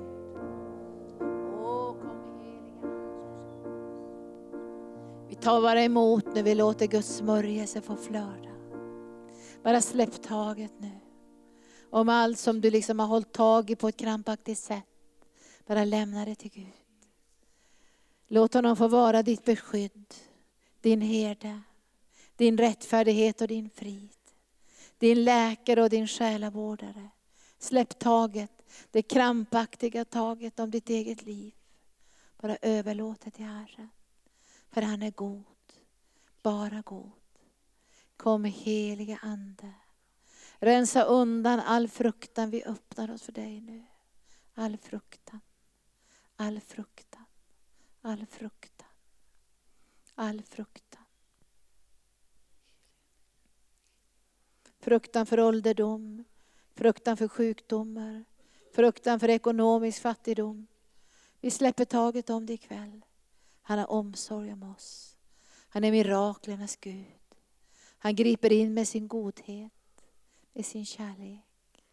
Och han säger igen till oss ifrån Romarbrevet kapitel 8. Om han inte ens har skonat sin enda son, skulle han inte ge oss allting tillsammans med honom. Tillsammans med Jesus finns det läkedom. Tillsammans med Jesus finns det beskydd. Tillsammans med Jesus finns det herdeskap. Tillsammans med Jesus finns det försörjning. Tillsammans med Jesus finns det lösningar. Och vi öppnar oss ikväll. En del av er ikväll har glömt bort vad godhet är. Det har varit så jobbigt. Det har varit så svårt. Det har varit så tungt. Men ikväll släpper ni taget. För Gud är god, bara god. Kom helige Ande. Och bara flöda. Keje noria sende. Coria la mendolo soria. Keio rashoria la kedia. Åh, låt din godhet få strömma. Vi ser ett levande vatten nu som strömmar från hans sårmärkta hjärta. Hur kan vi tro att vår väg är dold för Herren? Hur kan vi tro att han inte bryr sig om oss? Vad är det för tankar vi har fått in i våra sinnen? Vi släpper taget om dem ikväll. För Gud är god, bara god. Och hans kärlek fyller oss. Och just nu fylls våra tankar med förvissning att han ska leda oss där vi går bedjande fram. Att vi ska få del av hans vishet och hans förstånd. Och han ska aldrig lämna oss ensamma. Herren talar in i våra hjärtan. Guds godhet, Guds godhet. Och det flödar från Guds hjärta en kärlekssång till Herren. Och jag ser att många av er ikväll har det varit tungt. Men Herren säger ikväll, jag lyfter av den tunga bördan. Så mörkret är lagt på era axlar. För mitt ok är milt och min börda är lätt. Jag drar det till mitt hjärta för att ni ska se min godhet. Jag kan duka ett bord i fiendens åsyn. Jag kan duka ett bord mitt i öknen. Jag är inte beroende av omständigheterna. Om det stormar eller inte stormar. Om det regnar eller om det är ökenmark. Jag kan gripa in med mina mirakler och göra allting nytt. För jag är god, bara god, rakt igenom god. Och jag vill att ni ska veta ikväll att jag är kärleken. Jag är kärleken personifierad genom sonen. Där all godhet och alla löften och all omsorg sträcker sig ut. Och lögnerna om vem jag är och lögnerna om att jag inte bryr er om er. De lögnerna faller ikväll.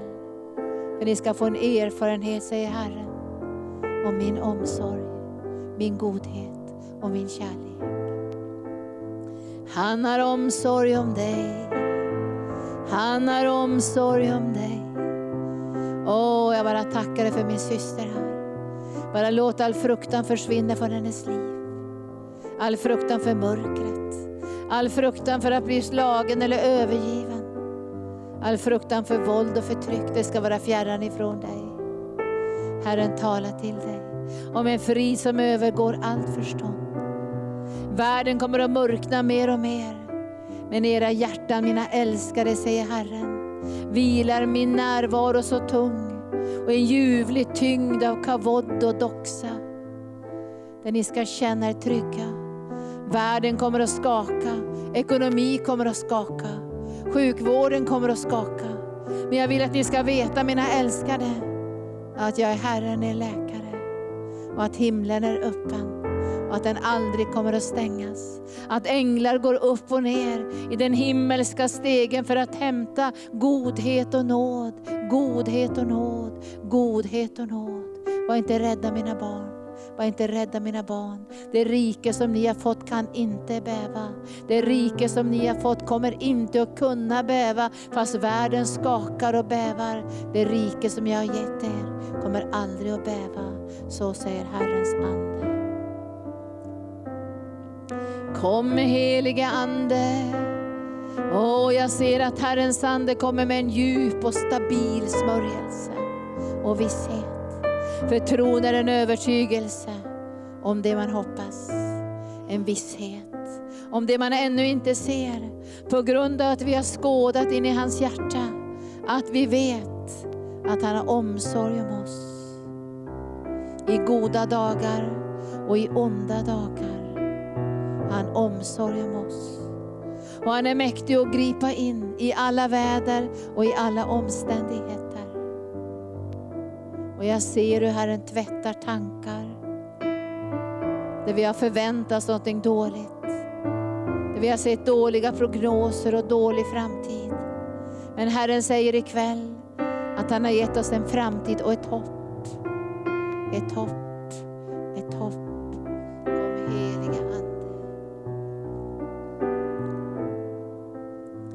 Sina gåvor och sina nådegåvor kan han inte ångra.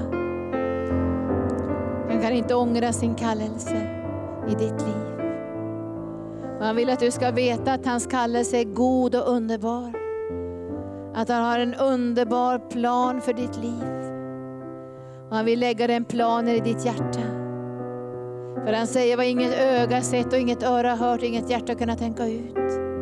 Det han berett för dem som älskar honom. För han är god. Han är god.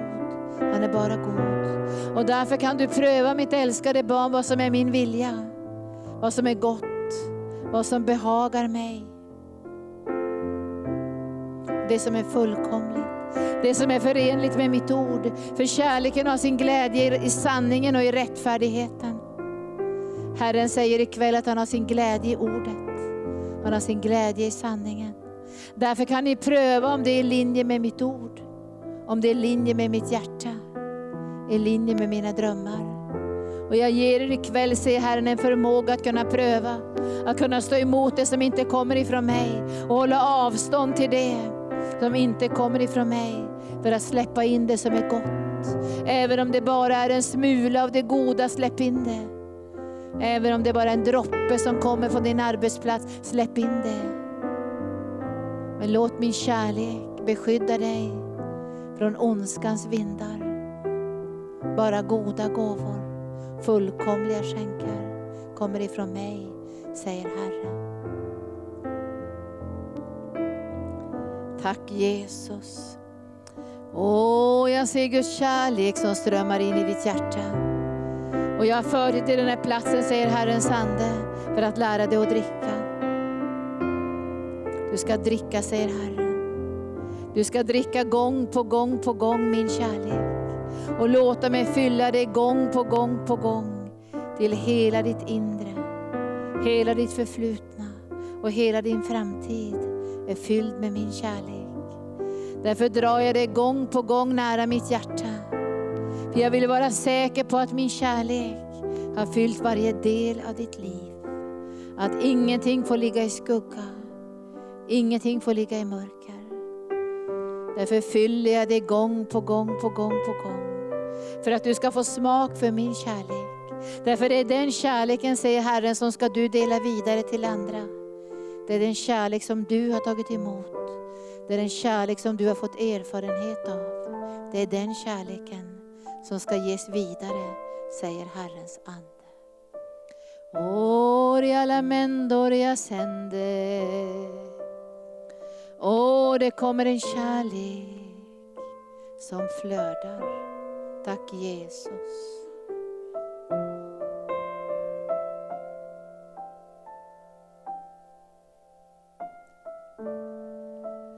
Kom heliga Ande med läkedom. Du har lovat att rättfärdighetens sol ska gå upp med läkedom under dina vingar. Så kom nu heliga Ande med läkedomen som flödar från rättfärdighetens sol. Kom heliga Ande. Strömma in i hela hennes kropp. Hennes egen kraft är ringa, den är svag. Men din kraft är outsinlig. Hon kan dricka ur en källa som aldrig sinar. En källa som aldrig kommer att ta slut.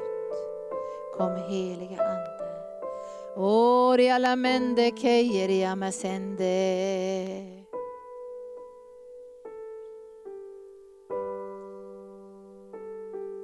Jag ber för dig nu. Jag ber för dig, för din framtid och Guds plan. För Guds plan för dig finns i hans eget hjärta. Det finns inte i människohjärtat. Det finns inte i egna drömmar, det finns i hans hjärta. Och därför ber jag ikväll Herre, att drömmen som finns i ditt hjärta, den ska du plantera i hennes hjärta. Så att hon går rätt i livet. Att hon kan göra rätta val och rätta beslut. Utifrån din dröm i hennes hjärta dina tankar och planer. För framtiden har hon inte sett, hon vet inte framtiden. Men du vet framtiden. Du har sett framtiden. Du har sett hennes kallelse. Du har sett planen för hennes liv. Därför ber jag nu heliga Ande att du lägger en del av den planen i hennes inre. För Herrens ande säger att mitt ord ska vara dina fötters lykta och ett ljus på din stig. Och därför ber jag nu heliga Ande att du upplyser hennes hjärta. Så att hon mer och mer börjar ana vilken väg ska hon gå. Vilka planer har du för hennes liv? Vilka drömmar har du lagt i hennes hjärta? För hon får inte gå fel. Hon får inte göra felaktiga val. Om det stormar Herre så ber jag nu att stormen ska bedarra. Stormen ska stilla sig, vågorna ska sänka sig.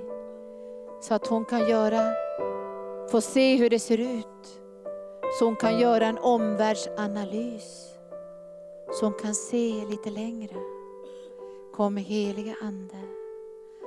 Kom heliga Ande och visa henne vägen. Låt stormen stillas ikväll. Låt all oro bli stilla, låt all ångest bli stilla. Så att hon kan göra ett beslut som behagar dig. Som behagar dig. Som behagar dig. Måste hon försaka Herre, gör hon det med glädje. Måste hon ge upp någonting för att få den äkta pärlan och den dyrbara diamanten. Så säljer hon allt vad hon äger för den diamanten och den pärlan. Men jag vet här att du har hennes liv i din hand. Och den framtid som finns för henne, den kan jag inte se. Men hon måste se den. Så att hon kan göra ett rätt val och ett rätt beslut.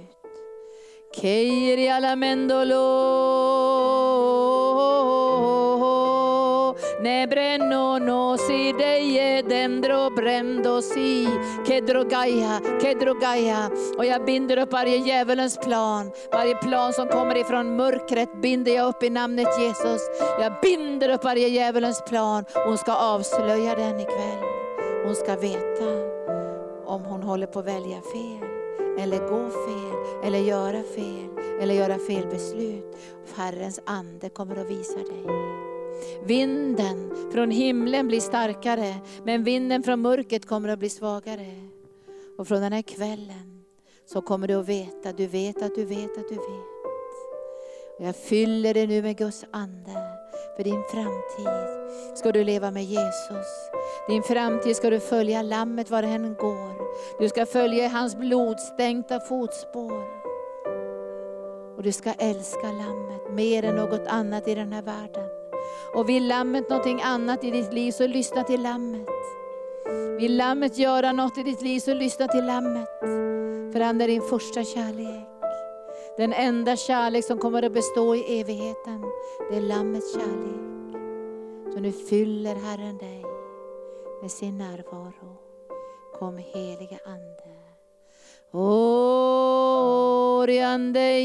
no Kerolora Jag ser ett ljus på din stig. Han lyser upp din väg nu. Och när du går härifrån så vet du. Du vet i ditt hjärta. Du vet i ditt hjärta. Kom heliga Ande. Ska du lägga handen runt din kompis? Eir i alla sändor, brendo ni ascende. Ora brendora sendestrigi. Åh, vi dricker från Guds ande, vi dricker från Guds ande. Anita, har du har kunskapens ord? Har du något kunskapens ord Anita? Vi ska strax öppna altarplatsen men jag känner att jag vill att Gud ska få betjäna er. För jag ser att en del har haft lite tufft. Det har varit lite svårt. Och då grumlas liksom den här bilden av Jesus. Men Gud är god bara god.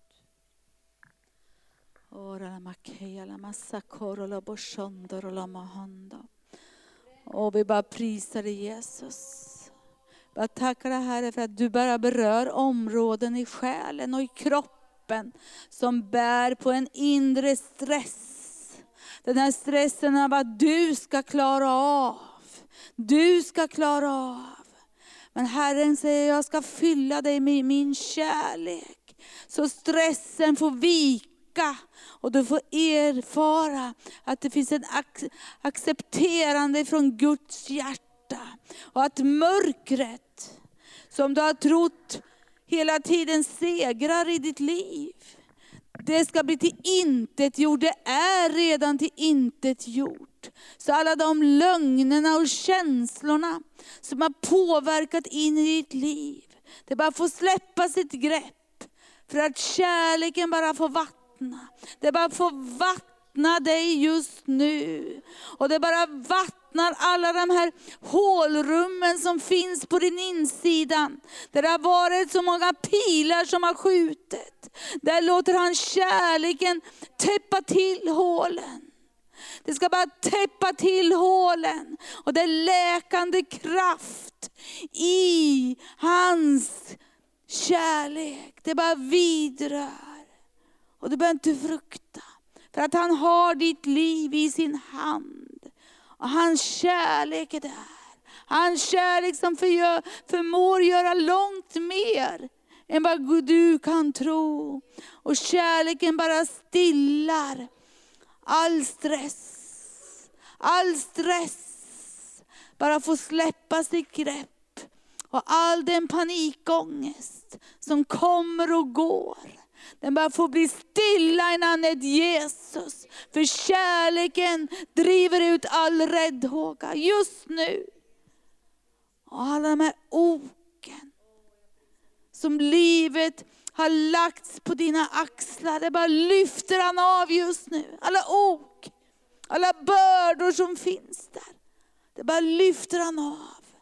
För hans kärlek bara lyfter av och helar det som är nedbrutet. Så att du får erfara att han reser dig upp i strålglans, i härlighet. För du ska vandra och leva i den djupa kärleksgemenskapen. På djupet av ditt hjärta. Och den kärleken påverkar din själ. Så att själen stormar blir stilla. Och kärleken blir där istället. En ljuvlig, ljuvlig frid. En ljuvlig kärleksgemenskap med den levande guden. Och din kropp som smärtar får bara uppleva att hans helande smörjelse är där. Och lyfter av, lyfter av allt det onda. För han är helaren. Han skapar i dig sin helande kraft. Så allt som smärtar och gör ont i kroppen får bli helt. För du är älskad av den levande guden. Han älskar dig med en evig kärlek. En evig kärlek från början. Och i nuet och ända in i evigheten. Han har sagt en signetring på din vänstra hand. Och i den står det Jesus, du är förbunden med den levande guden.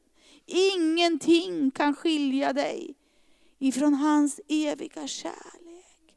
Hans eviga kärlek som är livgivande. Livgivande kraft.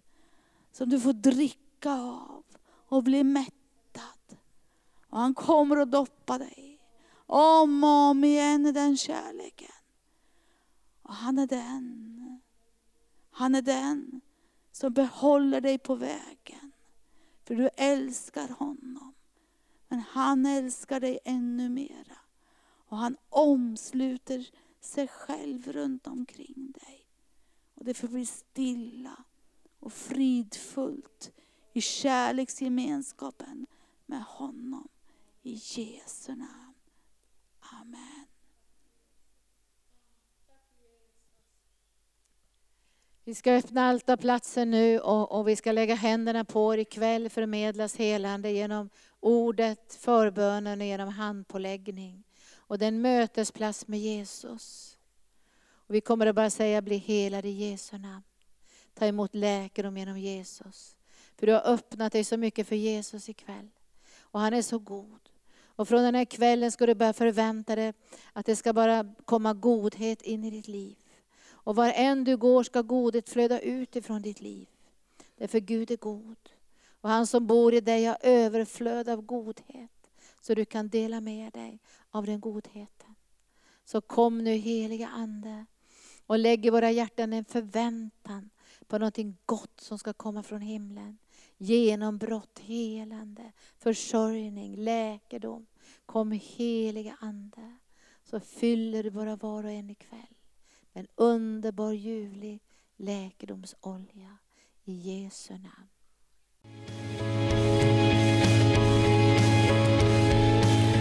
Tack för att du har lyssnat. Vill du få del av mer information om församlingen Arken, vår helande tjänst, bibelskola och övriga arbete, gå in på www.arken.org.